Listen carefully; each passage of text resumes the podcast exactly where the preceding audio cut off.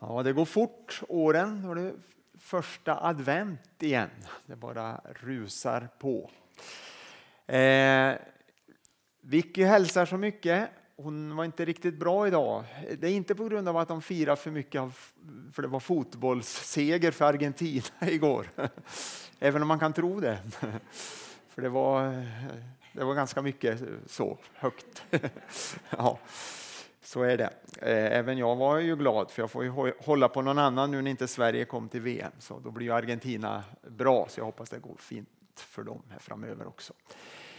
Men eh, hon mådde inte så bra för hon har ju problem med migrän en del och yrsel och illamående och sådär och det kommer och går hela tiden så att hon mådde hälsa och också att vi skulle be för henne så mycket. Så vi får komma ihåg henne.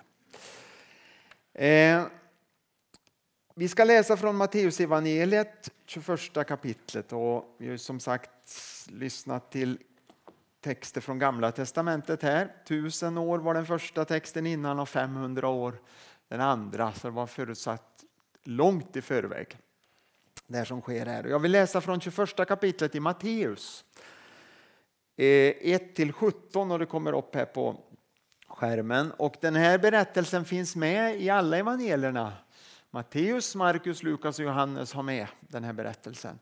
Beskriver den lite olika, tar med lite olika detaljer och sådär. Det är nog Johannes som är mest olik och mest kortfattad kan man säga. Men annars är de ganska ja, snarlika. Då. Det är olika vittnesbördsskildringar här vad som skedde. Matteus 21, 1-17 läser vi och vi läser även när Jesus går in i templet och rensar det. Vi kommer in i det också. När de närmade sig Jerusalem och kom till Betfage vid Oljeberget skickade Jesus iväg två lärjungar. Och han sa till dem, gå bort till byn där framme så hittar ni genast ett åsnesto som står bundet med ett föl bredvid sig. Ta dem och led hit dem. Om någon säger något skall ni svara, Herren behöver dem men han skall strax skicka tillbaka dem. Detta hände för att det som sagts genom profeten skulle uppfyllas. Säg till dotter Sion, se din konung kommer till dig ödmjuk och ridande på en åsna och på ett föl, ett lastdjurs föl. Lärjungarna gick bort och gjorde så som Jesus hade sagt åt dem. De hämtade åsnan och fölet och la sina mantlar på dem och han satt Många i folkmassan bredde ut sina mantlar på vägen, andra skar kvistar från träden och strödde dem på vägen. Och folket, både det som gick före och det som följde efter, ropade Hosianna, Davids son, välsignad är han som kommer i Herrens namn. Hosianna i höjden. När han drog in i Jerusalem blev det stor uppståndelse i hela staden och man frågade, vem är han? Och folket svarade, det är profeten Jesus från Nasaret i Galileen.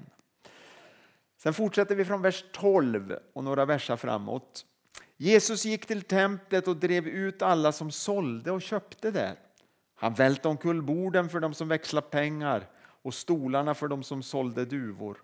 Och han sa till dem, det står skrivet, mitt hus skall kallas ett bönens hus, men ni gör det till ett rövarnäste. Blinda och lytta kom fram till honom i templet och han botade dem. När översteprästen och de skriftlärarna såg allt det märkliga han gjorde och hörde hur barnen ropade i templet Hosianna, Davids son, blev de förargade och sa till honom Hör du vad de säger? Jesus svarade Ja, har ni aldrig läst orden Barns och spädbarns rop har du gjort till en lovsång åt dig. Sedan lämnade han dem och gick ut ur staden till Betania och stannade där över natten. Som jag sagt att alla fyra evangelierna har med den här berättelsen. Johannes skiljer mest. Han har det här när man går in i templet. Det har Johannes i början av sitt evangeliet. Det diskuteras lite om Jesus var och rensade templet två gånger eller om det bara lite skiljer lite grann där att det inte är riktigt kronologisk ordning i alla evangelierna. Det finns lite diskussioner om det, man vet inte riktigt. I Johannes står det att Jesus tog till och med en repstump och drev ut djuren och de som sålde. Det är bara en liten parentes här att kan vi tänka oss Jesus sån att han går in i templet och välter bord och stolar och så gör han en, en repstump, kanske på en käpp så här och så slår han mot djuren och människorna som står där och säljer och driver ut dem själv från templet. Det var ganska starkt gjort. Kan vi tänka oss en sån Jesus? Eh, det kan vara lite svårt faktiskt. Vi, vi, tänker oss eh, nu när det är jul, Jesus, barnet i krubban och så här och det är lite gulligt och så där. Men Jesus, eh, ja, han var ju Herren själv, han var ju Gud själv. Och han blev så upprörd när han såg vad som hände i templet där, att de hade gjort det till en rövarkula. Människor var där för att tjäna pengar i Guds hus. Så det var därför han reagerade som han gjorde. Det kan vara bra att få eh, tänka till lite grann de här olika eh, bilderna på Jesus. Han är både lammet och lejonet talar Bibeln om. Så att det är viktigt att, att se den helheten här. Och Jesus hade en väldig auktoritet. Och jag tänker också en till innan sak här. Det är, det är inte riktigt kanske det som är, är predikan idag, men, men också det här att just när han har vält stolar och bord och drivit ut alla de här som, eh, som eh, tjänar pengar och gjorde affärer, så kommer sjuka dit och så helar han dem mitt i den här oredan. Det var nog ganska kaotiskt där inne på tempelgården. Det var inte i själva templet utan det var ju på, man brukar kalla det för hedningarnas område, tempelområdet där. Det var, skulle vara intressant att vara med där faktiskt för det var verkligen action kan man tala om. Advent, ordet advent betyder ju ankomst. Det får man lära sig redan i skolan eller söndagsskolan också för den delen. Och det har, men det har också med väntan att göra. Man förbereder kungens ankomst och välkomnar in honom i sitt liv. Det, har, det betyder advent. Ankomst. Kungen kommer. Han har kommit en gång. Det är det vi läser om i bibeltexterna. Han kommer till oss idag, Jesus.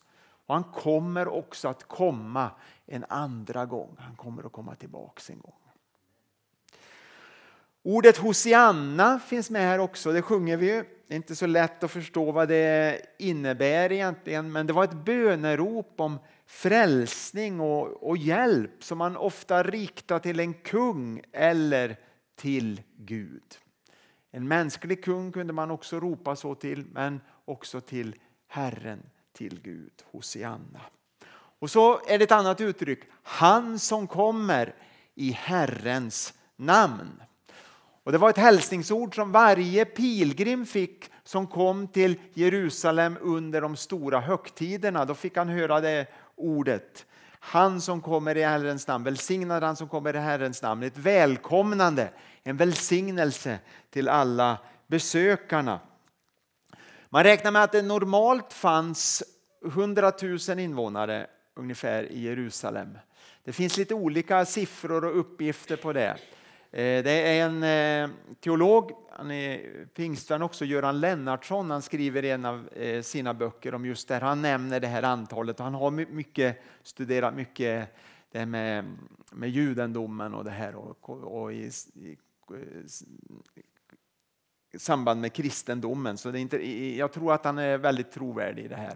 Så ungefär 100 000 invånare, men vid de stora högtiderna så räknar man med ungefär en halv miljon människor i Jerusalem. Så det var en riktig invasion. Så fem gånger så mycket människor just när det var stora högtider. Och det var det ju här när Jesus rider in i Jerusalem här alldeles innan påsken. Några saker jag vill nämna helt kort. Tiden är inne här att Jesus bekänner sig som kung inför människorna. Jesus han gjorde ju anspråk på att vara Messias här genom att uppfylla den här profetian som vi hörde om i inledningsordet från Sakaria 9 och 9, alltså 500 år tidigare. Jesus gör anspråk på, vara, på att vara Messias genom att han uppfyller den profetian. Här vill Jesus bli känd som Messias. Han är ju lite hemlighetsfull annars i evangelierna innan. Han drar ju sig ofta undan när folket vill eh, lyfta fram honom som kung och, och så vidare. Och han framträder inte alltid öppet och så här och man blir inte riktigt klok på det här. Varför Jesus gör si eller så. Men här är det väldigt öppet och tydligt. Här vill han bli känd som Messias, inte bara som en profet. Han skulle troligen överlevt, alltså inte blivit korsfäst om han bara kom som profet. Det skulle de kanske inte ha så stora, stort problem med. Det kanske skulle reta ledarna, de religiösa ledarna en del om han om han kom som profet bara. Men, men han skulle antagligen inte bli korsfäst. Men han kommer för att han vill bli känd som Messias när han rider in i Jerusalem. Och så kommer det med rensningen av templet som vi läste om. Och, och Jesus han citerar psalm 8 och 3 inne i templet. För där inne ropar barnen faktiskt, står det. Hosianna, Davids son. Det är ganska intressant. Och De religiösa ledarna de blir förargade här när de hör barnen ropa Hosianna, eh, Davids son. Men Jesus han säger till de religiösa ledarna i 16 versen Hör du vad de säger, säger de till Jesus. Jesus svarade ja. Har ni aldrig läst orden barns och spädbarns rop har du gjort till en lovsång till dig. Det verkar som att de vuxnas rop hade tystnat här. De kanske inte vågade inne här på tempelområdet ropa Hosianna, Davids son. Utan här var det barnen som tog vid. De vågade ropa, de tänkte inte så. Bara en liten intressant detalj. Men Jesus han vill bli känd som Messias när han rider in i Jerusalem. Han vill visa att han är den som är förutsagd i skrifterna. Som man kan läsa om. Han är Messias, Guds son, den som skulle komma. Och Jesus knyter an verkligen till historien som judarna var väl bekanta med. Vi har ju varit inne på det lite tema här om Lukas skrifter. Vi har talat speciellt om apostlagärningar som Lukas är författare till. Då vi talar om det, hur man hela tiden ser hur bibelordet, Nya testamentet, knyter an och hör ihop det gamla testamentet. Att det är förutsagt hela tiden i gamla testamentet och det återupprepar sig i Nya testamentet. Kanske med ännu mer kraft och ännu mer klarhet i det nya förbundet. Och det här är en, en sån händelse när Jesus rider in i Jerusalem. För judarna de var välbekanta med det här. Det, det Jesus gör det var ingenting eh, sådär alldeles nytt som de var helt obekanta med. I Gamla testamentet, Andra Kungaboken 9 och 13 så finns det en parallell berättelse när Jehu eh, eh, kröns till konung. Och då står det så här i Andra Kungaboken 9 och 13. Genast, alltså folket, tog, all, tog de sina mantlar och bredde ut framför honom på trappan och det stötte i horn och ropade Jehu är konung. Det var en liknande händelse långt, långt tillbaks i historien. Närmare historien när Jesus vandrade här på jorden, 150 år ungefär före Kristus, så det finns apokryfiska böcker i Bibeln. De finns inte med i min bibel och, och det är lite diskussion och lite tveksamhet om de är, som man brukar säga, inspirerade, gudomligt inspirerade. Men det finns mycket bra i de apokryfiska böckerna och det finns mycket historiska berättelser som handlar om Israels historia. Och då fanns det eh, en klan eller en släkt som hette Makabeerna. Och det är ganska intressant för att 150 år innan Kristus då står det om att i, i, i Makabeböckerna om en som heter Simon Makabeus, en ledare som kommer in i Jerusalem ridande i segertåg och så viftar folket med palmkvistar när han kommer in i Jerusalem 150 år före Kristus. Eh, det är ganska intressant. Så, så, för judarna var det här någonting de kände igen. De, de, visste om det här i historien. Det hade hänt förr. Men nu är det Messias som kommer och man lägger mantlarna på marken och, och eh, strör eh, palmblad framför honom och, och, och så ropar man Hosianna, Davids son. Profeterna i Gamla testamentet de illustrerade ofta sina budskap. Inte bara med ord utan man gjorde handlingar också. Att dramatisera det var vanligt i Gamla testamentet.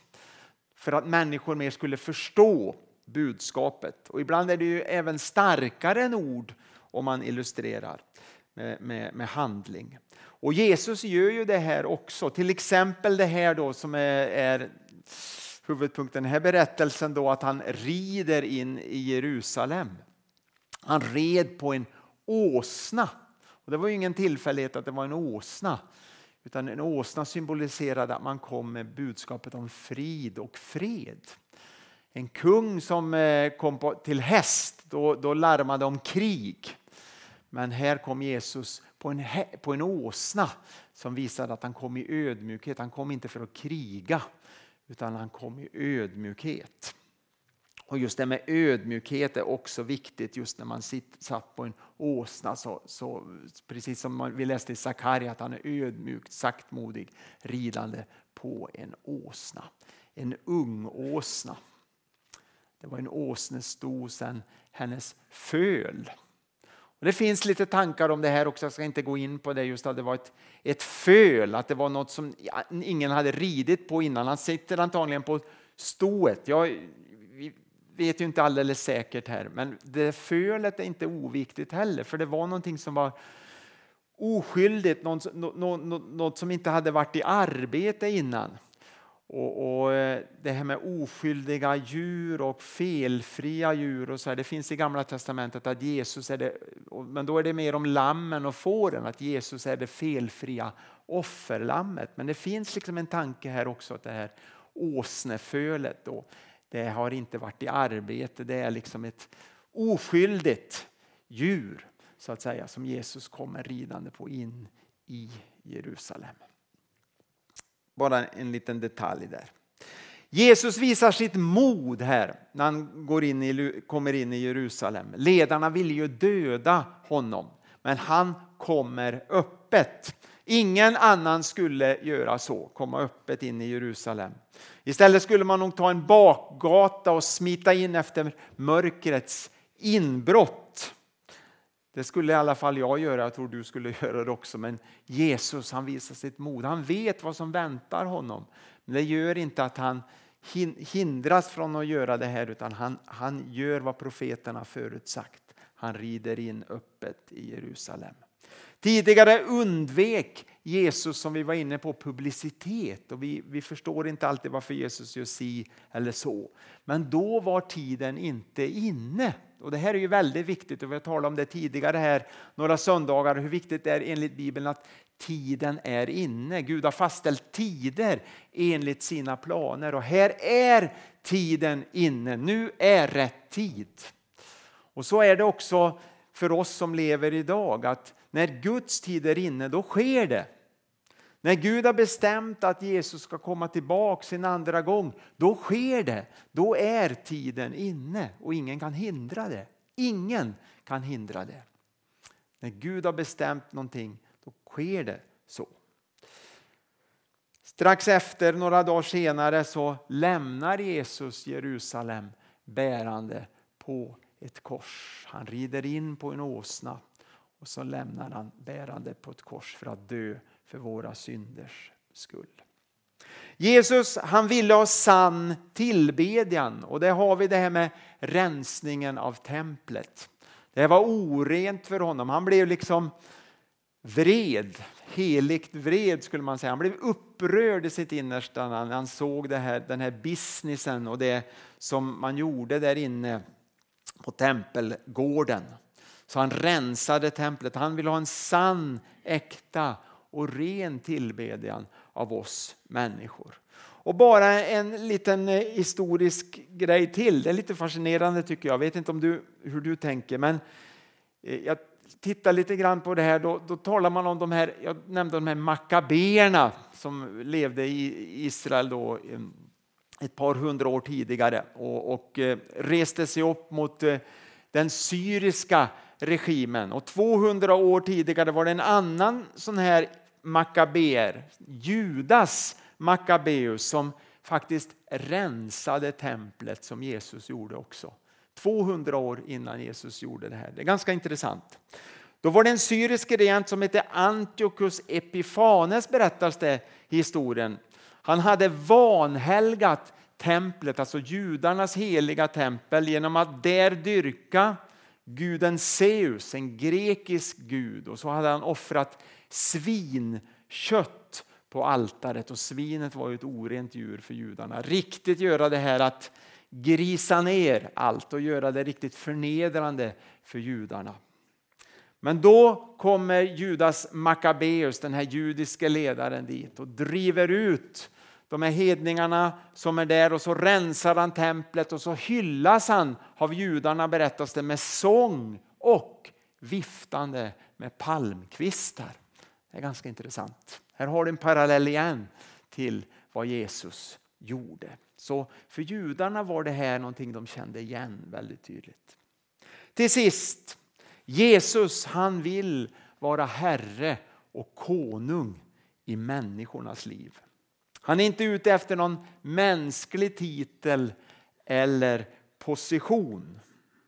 Hos somliga människor så är han en profet. Det finns många som säger att Jesus är, en profet. Det är väldigt många som säger det, som har andra religiösa föreställningar än kristendomen.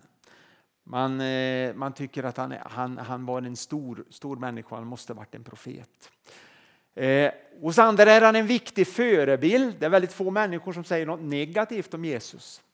Det har hänt några gånger jag, och jag har läst några texter och det var någon som hade en radioprogram.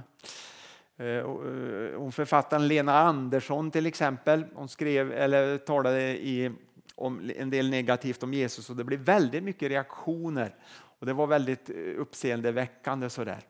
Eh, så det är inte många som tänker negativt om Jesus. Han är en förebild för de allra flesta. Vissa ser honom som lyckogörare endast. Han kan göra människan lycklig så jag tar honom liksom på mina villkor. Men Jesus vill någonting mycket mer i våra liv. Han vill vara Herre och frälsare för dig och mig. Han vill vara Herre i våra hjärtan. Han vill vara den som regerar i våra liv. Jesus kan inte dela eh, lojaliteten med någon annan. Det är helt omöjligt. Inte några andra makter eller herrar. Och de första kristna så var det här absolut, ett absolut, att det fanns ingen annan än Jesus. Avgudarna sa man absolut nej till. Det fanns ju väldigt mycket avguderi och det lätt det smögs in också eller följde med in i kyrkan men man var tvungen att göra upp med allt det som hade med avgudar att göra. Och inte heller kejsardyrkan var tillåtet. Det var därför kristna också blev svårt förföljda många gånger. Man vägrade att tillbe kejsaren som Gud. Så Jesus vill inte dela sin lojaliteten med någon annan. Han vill vara Herre och Mästare i våra liv. Så frågan är hur tar vi emot Jesus när han kommer? Advent betyder ju ankomst. Och var har jag min lojalitet? Det är viktiga frågeställningar en advent så här och inför julen. Jesus vill vara Herre och Mästare i våra liv. Han är vår frälsare och han är värd vår tillbedjan. För han är Messias, Herren, konungarnas konung och herrarnas Herre. Vi ber tillsammans. Tack Jesus att du kom till den här världen, Herre. Tack att du föddes som människa, Herre. Vi tackar dig för det. Tack att du är konungarnas konung och herrarnas Herre. Och tack att du var villig att ge ditt liv för våran skull. Vi tackar dig för det Jesus. Tack att du känner våra hjärtan och våra tankar den här stunden. Tack att vi får öppna våra hjärtan helt och fullt för dig Herre. Att varje område i vårt liv det får vi lägga i dina händer Herre. Åh Herre, vi vet att det är det bästa för oss men ändå är det många gånger så svårt Herre. Men tack att du vill hjälpa oss att vi får överlåta oss till dig Herre. Och tack att vi får, eh, får gå in i den här adventstiden med, med nya ögon, med, med att, att få se på ett nytt sätt vad, vad det innebär att du är frälsaren. Att du är kon, den verkliga konungen Herre. Tack att du vill öppna våra ögon Herre. Tack att den, den här adventstiden och den här julen som vi ska fira nu ska få, ska få bli någonting ännu större än den någonsin har varit i våra liv, Herre. Vi ber dig om det, Gud. Herre, tack att du vill förnya våra liv tillsammans med dig, Herre. Tack att du vill förnya vår tro på dig och, och vår gemenskap med dig, Herre. Vi tackar dig för det, Jesus. Åh, Herre, vi prisar dig för det. Tack att vi får tillhöra dig och tack att du välsignar den här gudstjänsten nu, avslutningen, Herre. Tack att vi får vara samlade idag, Herre, i ett, ett fritt land och tillbe dig och läsa ditt ord, Herre. herre. Vi tackar dig för det, Gud. Och vi vill också komma ihåg de som lider den här stunden, Herre, som har det svårt, som inte har det så bra som oss, Herre. Tack att vi får lägga dem i dina händer också den här stunden. Vi ber om det, Jesus. Vi tänker på, på bröder och systrar i tron som finns runt om i vår värld, som sitter i fängelse, som är förföljda, som har det svårt, Herre. Vi, vi lyfter upp dem just nu inför dig också, Herre. Vi tackar dig för det. I Jesu namn. Amen.